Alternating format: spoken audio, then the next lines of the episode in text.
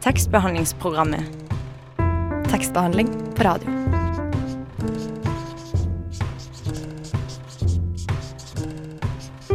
Tekstbehandlingsprogrammet.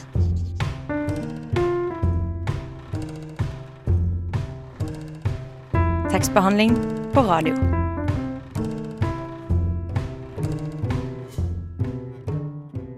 Tenk deg at du våkner i ditt fine, store hus en varm sommerdag. Oppdager du at eh, noen har slått opp telt i hagen din. Hva ville du ha gjort da? Det her må karakteren Sven ta stilling til i boka 'Spikrar fra fallende planker'. Vi får om litt besøk av forfatteren av boka, Eirik Ingebrigtsen. Du hører på tekstbehandlingsprogrammet, og jeg heter Guro Flårening. Jeg heter Nora Helseth. Eh, hva annet skal vi innom i dag, Nora? Jo, i løpet av denne timen skal vi også høre hvordan bokhylla til Knut Nærum høres ut. Det gleder vi oss til. Først litt eh, A-listemusikk her på Radio Nova. Det var australske The Babe Rainbow med Aloe Vera fra A-lista her på Radio Nova. Nå har vi fått besøk av Eirik Ingebrigtsen. Velkommen. Tusen takk. Eh, Du har da skrevet boka 'Spikrar fra fallende plankar'. Eh, I introen her så, så, så sa jeg dem at det er en som våkner og finner noen telt i hagen sin. Eh, Mm. Hva mer er denne boka her handler om? Det var den dramatiske scenen på en måte som satt en del av skrivinga i gang. Det var det hva skjer når du kikker ut av vinduet, og så er det noen ukjente telt der. Det er umiddelbart eh, en dramatisk scene som er gøy for forfat- forfatter å gå inn i.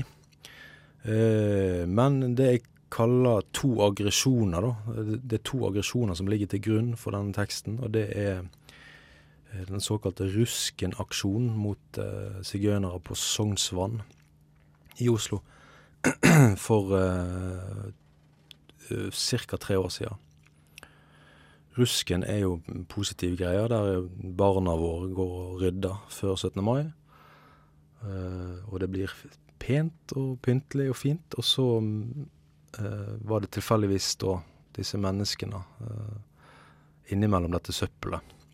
Så den nærheten mellom søppel og mennesker, den er i beste fall interessant. I mine øyne så er den òg problematisk og ja, provokativ, da. Eh, disse menneskene ble rydda, og de forsvant eller kom til et steinbrudd på Årvoll. Ikke så langt fra eh, Sognsvann. Så de flytta til den hardeste plassen på jord, nemlig dette steinbruddet. Og det var en barmhjertig, grei grunneier som åpna opp dette området på Årvoll. Der bodde de en periode, og blei etter hvert jaga. Det er mine ord, ikke sant? De ble flytta. Eh, eh, Det var et problem at de var der. Det er et problem når husløse mennesker eh, blir værende. At de er her litt og der litt, det er ikke et problem. Det takler vi. Men greit, det ble et problem. Når de ble jaga eller forsvant fra steinbruddet, så var det en del naboer som sendte opp fyrverkeri.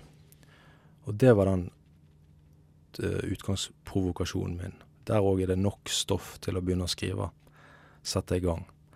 Eh, På denne tida leste jeg òg en del reportasjer fra Ungarn.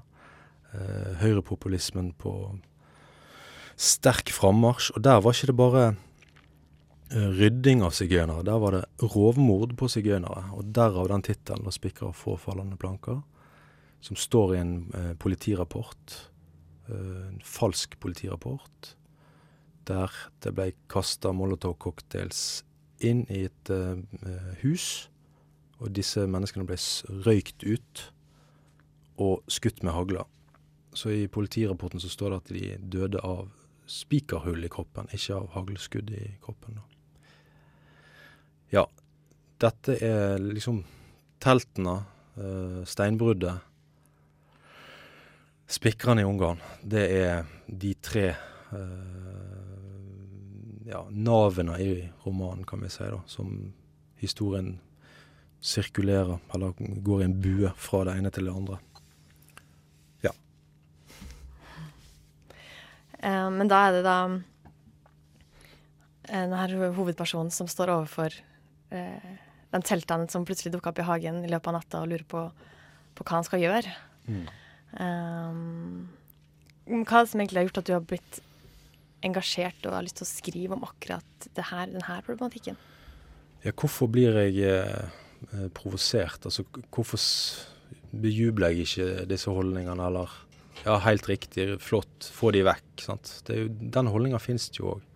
Så det er jo en, en, motkommentar til det, da. Jeg mener at eh, vi, vi av alle, vi med så lite arbeidsledighet og så masse gull i banken, vi uh, må jo kunne se disse menneskene, uh, prøve å gi dem verdighet. det handler jo om, Hvis det er nødarbeid, så handler det om ulltepper og brød og kjeks og husly. Eh, litt videre så er det mer en eh, Jeg savner jo en mer offensiv politikk. Da, med å sysselsette disse menneskene som, som kommer. Og iallfall de som har lyst til å bli her. Altså Sysselsette de på kort og lang sikt. Da. Det er verdighet. Sant? Arbeid er verdighet. Arbeid og språk òg. Så ikke se bare på de som, uh, som et fremmedelement i uh, gatebildet, som forsøpler og som stjeler pengene dine. Sant? Det er eh, ja, det er en urettferdig negativ eh, holdning til det her. Så det her er jo et slags innlegg i det. at det, En roman er jo lenger enn et, en kronikk, kan du si. Men det er et, en sakte kommentar på, på, dette her. Vi skal snakke mer om boka her, men uh, først skal vi uh, høre litt musikk. Punches at me.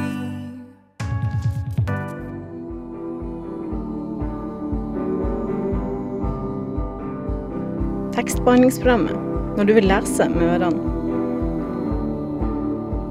hørte du Apotek med Family fra Radionovas eh, A-liste. Vi har besøk av Erik Ingebrigtsen i, i studio, og vi snakker om den boka som du nettopp har gitt ut, som heter 'Spikrar fra fallende planker'. Eh, og det handler om, da, som du sa, eh, mennesker som så å si blir behandla som søppel. Og i dette tilfellet romfolk. Eh, hvorfor akkurat eh, romfolk? Eh, ja, nei, det er jo i og med at den eh, En av de motivasjonene for å skrive det er jo basert på ja, nyhetsbildet de siste årene. Da, det er den ene tingen. At det var Det er jo den gruppa som er, blir dytta mest på i, i Oslo, da eller i Arendal, eller i andre kommuner som ikke vil ha de. De og de er, de er folkegrupper som er synlige i gatebildet. Så det er kanskje sånn sett lett å gripe til disse her eh, eh menneskene. Og så er det òg en eh, Jeg har en gammel eh, fascinasjon for den kulturen de viser da, gjennom den intensiteten i musikken de har. Enten det er fest eller altså bryllup og begravelse. Rett og slett. Den er veldig fascinerende. Den er veldig vital. Den er helt desperat. Og det, det, ja, det er noe jeg liker å gå inn i, da. Og har um, lest og sett gode filmer og vært på gode konserter med dette her. Så det er en fascinasjon òg som ligger der. Mm. Men hvorfor tror du det er akkurat romfolk som har blitt så stigmatisert? Ja, det er òg eh, kanskje bare rett og slett innpoda i, i, den kulturen. De har vært forfulgt uh, i hundrevis av år, og jaggu meg fortsetter å forfølge dem. Det er jo nesten helt latterlig. Uh, men det er provoserende for mange at uh, mennesker reiser fra by til by, nærmest, og vil hente ut det beste fra den byen de kommer til, eller den bygda de kommer til. Før så reiste de jo og fikk arbeid, òg her på bygdene. De var jo eh, gode håndverkere. Sant? Nå er det den håndverkstradisjonen som vi ikke har bruk for mer. Eh, så nå er det mer provoserende at de kommer bare med, med pappkoppen og, og, konkurrerer ut de svakeste vi har. Eh, narkomane eller husløse. Som vi heller ikke har grep om. sant? Eh, Så det er mange grupper som fortjener ei stemme, enten det er i TV-program eller radioprogram eller en en kommentar eller en roman, da. Men jeg syns det er verdt å løfte dette stoffet og ja, og vifte med, med pekefingeren. sant? Og, og holde an litt her nå. Hører vi hva vi sier? Tenker vi gjennom hva vi gjør? Eh, Jeg syns jo de, de som sender opp fyrverkeri på Årvoll, eller skyte med hagla i Ungarn, eh, det er et eller annet språk, en eller annen holdning som er, er lik, da. Selv om utfallet og uh, alvorsgraden av det de gjør, er, er forskjellig, da. Så det er en, det er en kommentar til det òg, da. Mm. I handlinga av boka, så da Sven, da når han ser de teltene her, han, han går bort og, og finner ut at de har lidd et De mista eh, nære, nære familiemedlemmer da, i Mm. det, det som skjer i Ungarn. da. Ja. Eh, og, og han med en gang åpner armene og sier 'velkommen', omtrent. Men, Mm. men søstera blir, blir redd. Mm. Um, tenker du at begge reaksjonene er, er naturlige og Ja. realistiske? Han er jo, han er jo eh, redd, han. Han er jo full av adrenalin når han går ned i den eh, hagen der og, og lurer på disse lydene. Det er så intenst, det uttrykket. De, de gråter og skriker og omfavner hverandre. og Samtidig gir de et smil til han og prøver å forklare til han hva som har skjedd. Eh, men han står jo der, og han hører på dem. Og etter hvert når søster og Beth kommer ut, eh, og, hun er mye mer redd og, og har et annet språk, så blir han står han imellom de to, da.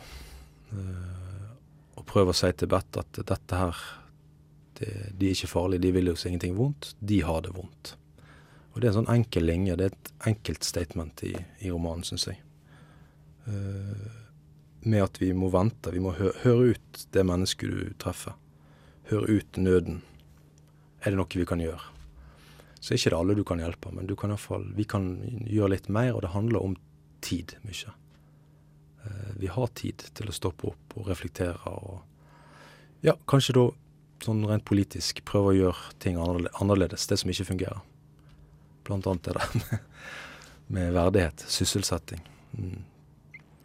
Men um, du sier at det, kan, at det kommer litt fra det samme, det her med det langt mer voldelige som du refererer til i Ungarn, og det med fyrverkeri her i, her i Oslo. Mm.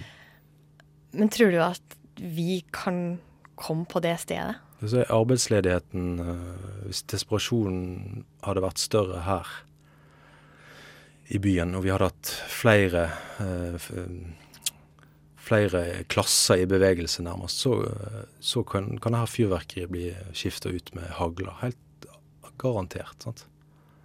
Det, de holdningene fins, men vi har et overskudd, eller vi har en varme og trygghet. Vi sitter bak tastaturet. Tastaturet er våpenet. med. ja. Mm. Men uh, i vår hverdag har vi mulighet til å bry oss hele tiden og gjøre noe med sånne ting. Vi kan jo ikke gå rundt med akutt dårlig samvittighet og sånn, men og, har vi tid til å bry oss, og så har, har vi tid til å reflektere i det hele tatt. Det er kanskje en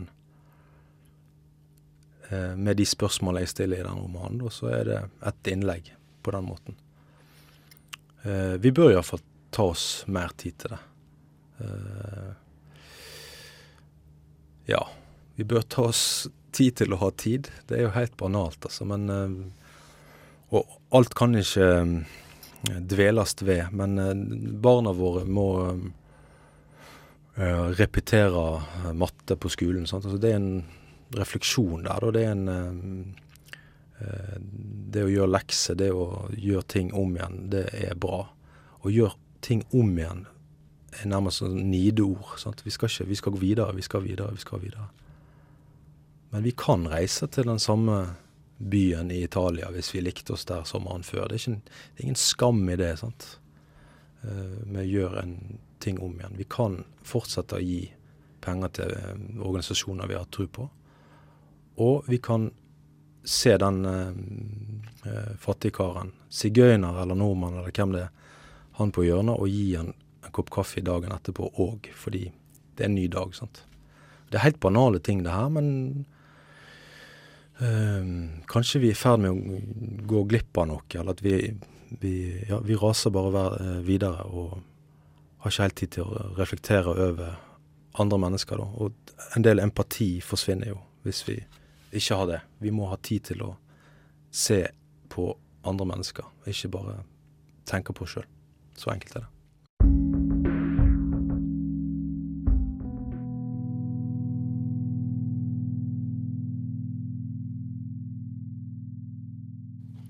Du hører på Radio Nova, og du fikk Sara Angelica med 'Pieces of You'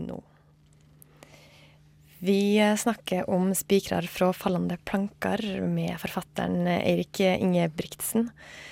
Um, prøver du å bidra til samfunnsdebatten med den boka her? Du sier jo at det er en sakte kommentar. Uh, ja Ja.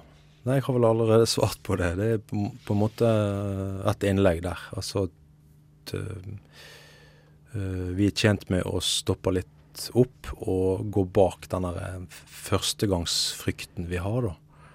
Eh, hvis du ser et ukjent menneske som roter i søpla, så er man umiddelbart i forsvar, eller hva er det som skjer?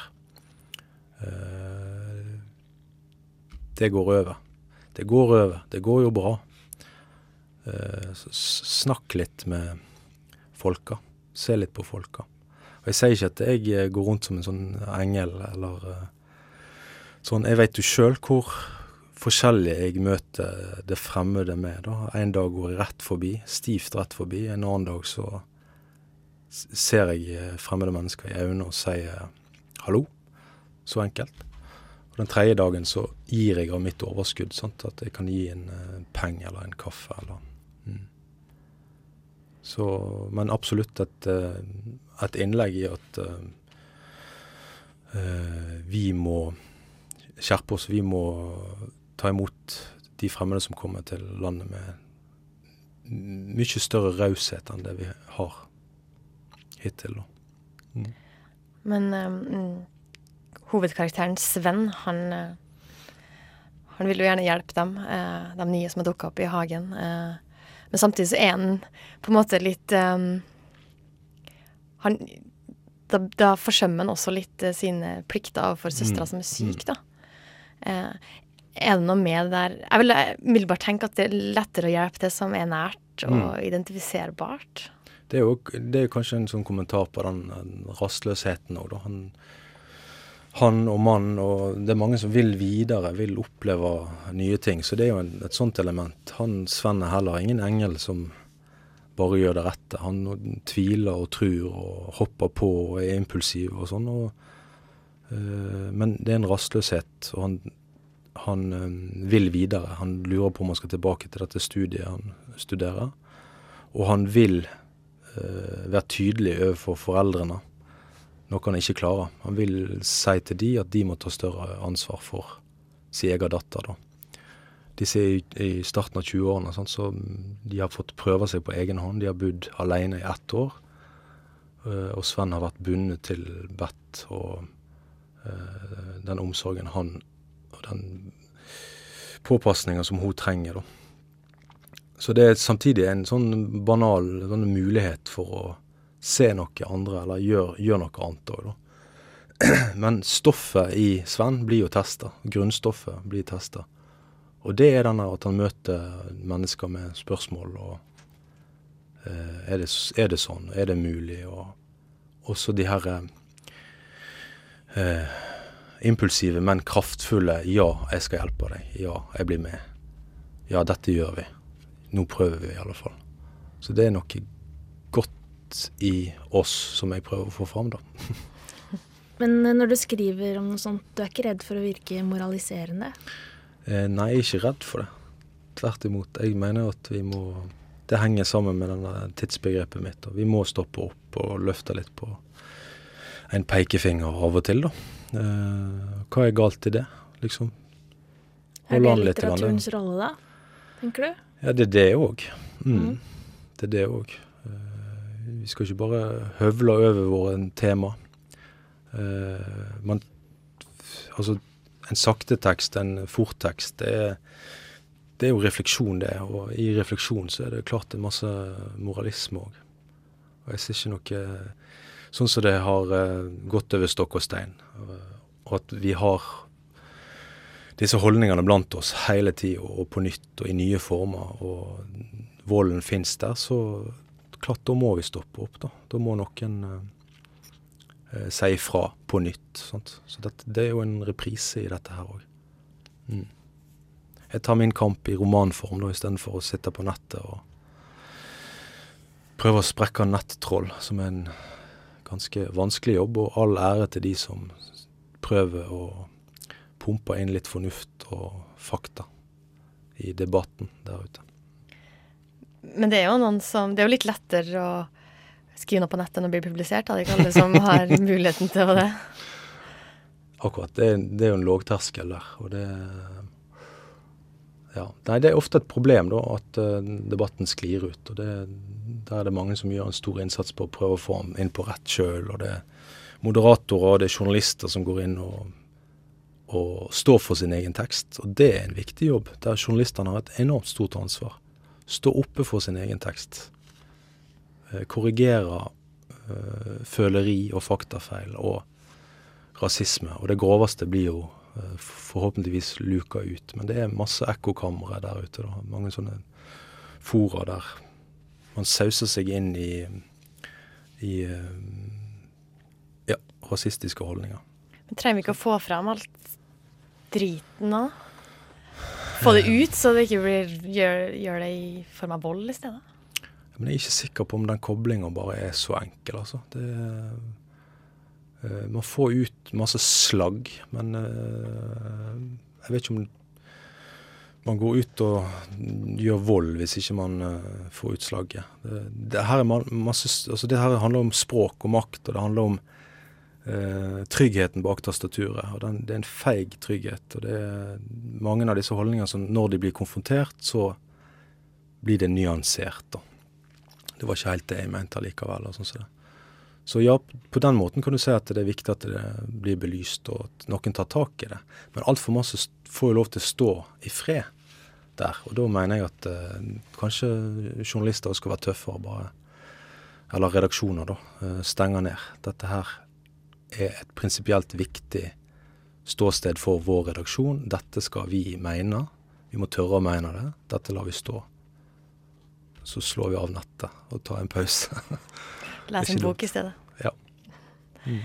Uh, vi skal høre litt musikk fra noen som også var, det, var diskriminert en gang i tida i Norge, nemlig nordlendingene. Uh, bandet Drøm med 'Bakom øynene dine'.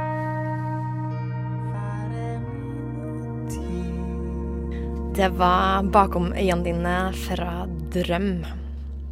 Vi har fortsatt uh, besøk av Erik Ingebrigtsen, og du hører på tekstbehandlingsprogrammet Radio Nova sitt litteraturmagasin, hvis du akkurat uh, skrudd på radioen. I 2011 eh, så var du medredaktør på antologien Respons 22.07., som kom ut i september, da bare et par måneder etter 22.07.2011. Uh, hva var egentlig hva var motivasjonen uh, bak denne antologien? Mm, nei, det var den akutte følelsen man eh, kjente på. I, med akutt så mener jeg den nummenheten og paralysen og sjokket og alt på en gang. Eh, inni der så er det en slags vilje til, til handling, da. Eh, og forfattere de har jo språk, og de har penn, ikke sant. Og så hvordan kan vi bidra? Og da snakket jeg og han medredaktør, Gunstein Bakke, sammen om eh, Vi må jo gjøre noe. Og, og, skrive en tekst. Og hva gjør vi? Jo, vi eh, hører med forlaget, og vi inviterer forfatter til å skrive. Akutt her og nå. Hva føler du her og nå? Hva tenker du? Hva ser du her og nå? Og dette var jo bare Den dialogen med, med hverandre og forlaget, den begynte jo etter ei uke. Da. Eh, og det er jo Jeg tror det er den samme sånn følelsen som hvis jeg hadde vært eh, lege eller sykepleier eller skulle gitt blod, så er det det at man strømmer til sykehuset og bidrar med det, det man har. Da. Det var jo mange mennesker som bare slapp det de hadde i hendene og hjalp til. Uh, ja, alle de her med båter ut på Utøya camping, var det vel. Nei, det heter ikke det. Ut, Utviken? Utvika. Utvika. Utvika heter det. Ja, og leger som sagt som var på vei til hytta si og kjørte til nærmeste sykehus og kan jeg hjelpe. Mange ble jo sendt hjem, for det var for mange. Uh, så man har jo i det her i seg det her stoffet om å hjelpe til. Så det var et ærlig, oppriktig uh, ønske om å hjelpe til. Og samtidig eh, usikra det her med at det, når det, vi snakker om litterære tekster, så er det masse kontroll, redigering vi må la det modne, vi legger det vekk. Vi henter det fram, og vi viser til redaktør, og så går det gjerne et halvt år, og så går det et år. Men her var det en måned og to, og så var boka som helhet ferdig, da. Eh, så det var òg et poeng for oss, da. Eh, tenk, men gjør det nå. Sant? Ikke tenk og føl for lenge. Så de fikk en streng deadline, og så var det i gang. Eh, og det andre poenget med boka var jo òg å vise til det engasjementet eh, ungdommene hadde eh, med å samle inn penger og være politisk aktive. Da. Så disse pengene fra dette prosjektet, det var et dugnadsprosjekt. De pengene gikk jo til, til Afrika, det òg. Ja, som var det eh, en innsamlingsaksjon som var på Utøya? Mm. Ja, 21. juli. Ja, riktig. Mm. Ja. Så det var fra engasjement, og det var fotballkamp, og det var Gahr Støre, og det var all smiles, ikke sant. Og så kommer det her. Så det var Og det er fremdeles veldig rart, og nesten et sjokk å hente fram de, de der bildene fremdeles, da. Um, Husker du hvor, du hvor, du var da du hørte om det? Ja, jeg var på Gotland. Uh, på den stilleste Det var jo ingen Det var jo sånn bæ, en sau borti der. Det var så stille. Det var veldig rart. Og så var det òg en rar følelse om at jeg ville hjem til eh, Oslo, da. Så hva, hvor kommer den følelsen fra? sant? Eller behovet? Og det er jo litt ikke det litt det der med å hjem og se, sortere, hjelpe til? Hjelpe til. Og det, det, det er et behov for å hjelpe til. Så kanskje det er litt av det i den romanen min òg, at uh, dette er mitt bidrag, da, eller nå hjelper jeg litt til. Nå sorterer jeg litt uh, følelser og tanker. Og kanskje noen er med på de. Det er masse spørsmål i denne boka òg. Jeg stiller spørsmål. Og jeg sier ikke at det er rett og det er rett og det er rett, men det er viktig å belyse og løfte fram og, og sånn. Og det var, det var akutt viktig da med den 22. juli-boka. Mm. Eh, Nora, eh, husker du hvor du var? Jeg var på jobb, ja. På ute i Bærum. Så jeg fikk det ikke med meg i det hele tatt. Jeg så på Tour de France og sylta jordbærsyltetøy. Mm. Mm. Men eh, du skriver også, du har også bidratt sjøl med en tekst uh, i, mm. i, i, boka. Uh, hva var det du hadde behov for å få ut? Nei, altså min tanke var jo det, dette dødstallet. Som er ut, utgangspunkt for sjokk. Altså, vi var sjokka den kvelden, men det var jo først etter natta, altså morgenen, når de nyhetene kom inn. Eh, vi skjønte omfanget skikkelig av det. Eh, antall ofre. Og da kom det her eh, tallet 77, 77, 77 mot meg, da. Og alle disse fjesene etter hvert. Fjes som jeg òg kjenner igjen nå, sant, når jeg ser de. Så da skrev jeg 77 korte tekster, eller dikt, da. Så det, det, er et forsøk på å se den enkelte. Eller å reflektere og tenke gjennom ett menneskeliv, da. Så legger de ved siden av hverandre, eller legger de oppå hverandre. Og så Ja, det ble mitt, mitt bidrag. Men for meg òg var det sånn at uh, dette Nå kan du ikke tenke mer, eller nå må du bare skrive. Nå, hva følelser som presser seg på, og hva språk som presser seg på. Så det er en øvelse, og det er en konsentrasjon i det. Og det er en ja, jeg tror det er en sortering. Da. Helt banal, enkel sortering. Tusen takk for at du kom hit til tekstbehandlingsprogrammet, Eirik Ingebrigtsen. Tusen takk for at jeg kom.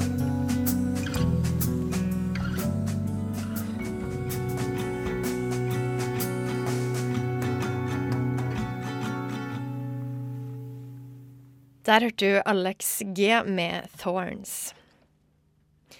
Nå begynner vi å nærme oss bokhyllespalta, og da ikke minst bokhylla til Knut Nærum.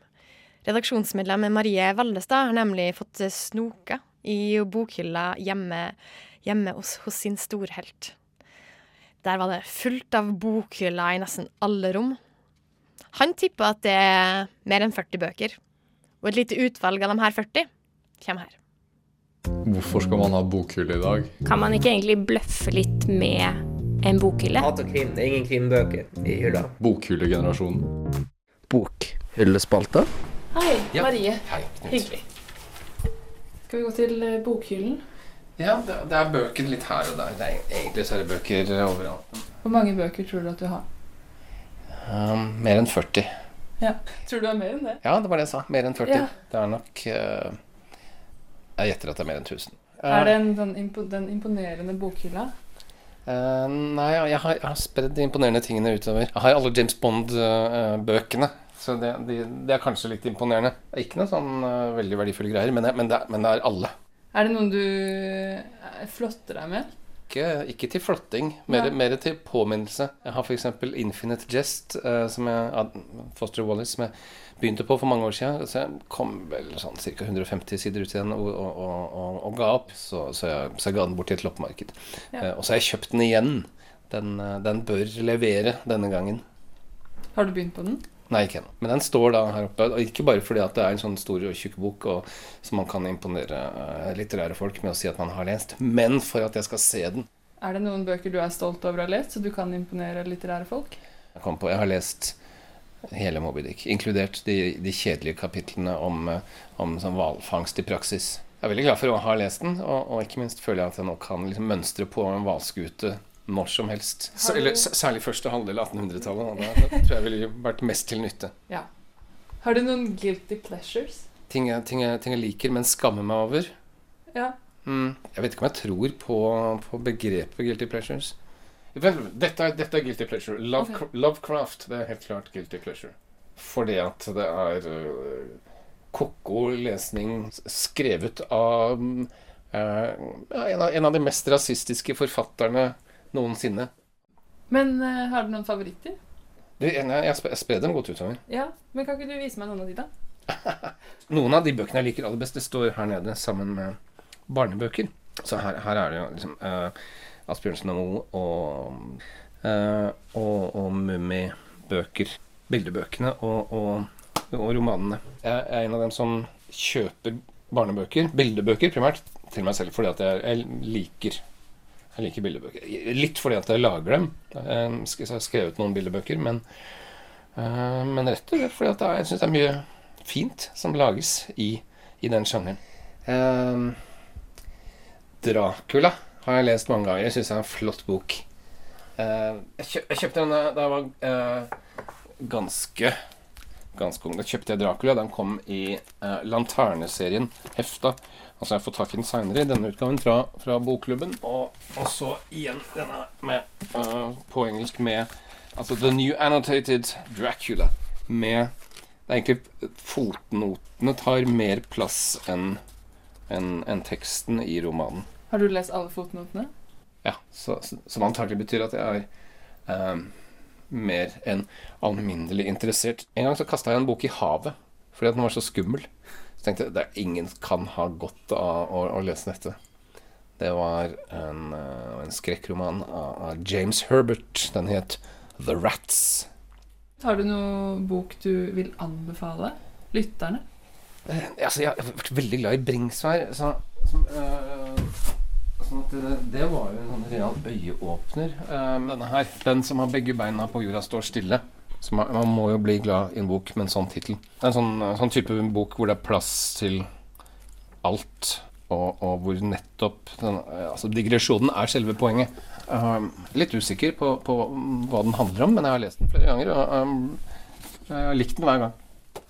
Eh, helt eh, til slutt, Har du noen bøker som har betydd mye for deg? Sånn Altså, bok som betyr mye, den tenker jeg nok først og fremst på, på The Catcher in the Rye, som jeg, som jeg leste i, i, i riktig alder. Altså, jeg, jeg tror jeg leste tre ganger før jeg var fylt 20. Som, er, som du bør lese den før du har fylt 20, for seinere kan det hende at den ikke virker like godt. Jeg har lest den etterpå, eh, og det er fortsatt en flott bok, men eh, det kan hende at det er en flott bok etter fylte 20 fordi at den har vært det, sånn at den, den maner fram igjen uh, opplevelsen av å lese den for første og andre gang. Eh, men det var en bok som, eh, som eh, ikke bare var morsom og spennende og, og, og gripende, og alt det, men som også var nyttig for meg, fordi at den fortalte meg på et tidspunkt hvor jeg, hvor jeg trengte det, at, at det er lov å føle seg utafor. Det, det er helt greit, og kanskje det går bra.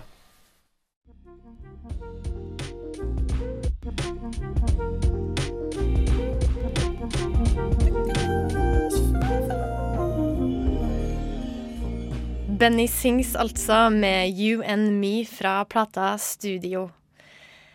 Reportasjen du hørte før det, var laga av Marie Vallestad. Eh, og nå har vi kommet til veis ende her i tekstbehandlingsprogrammet.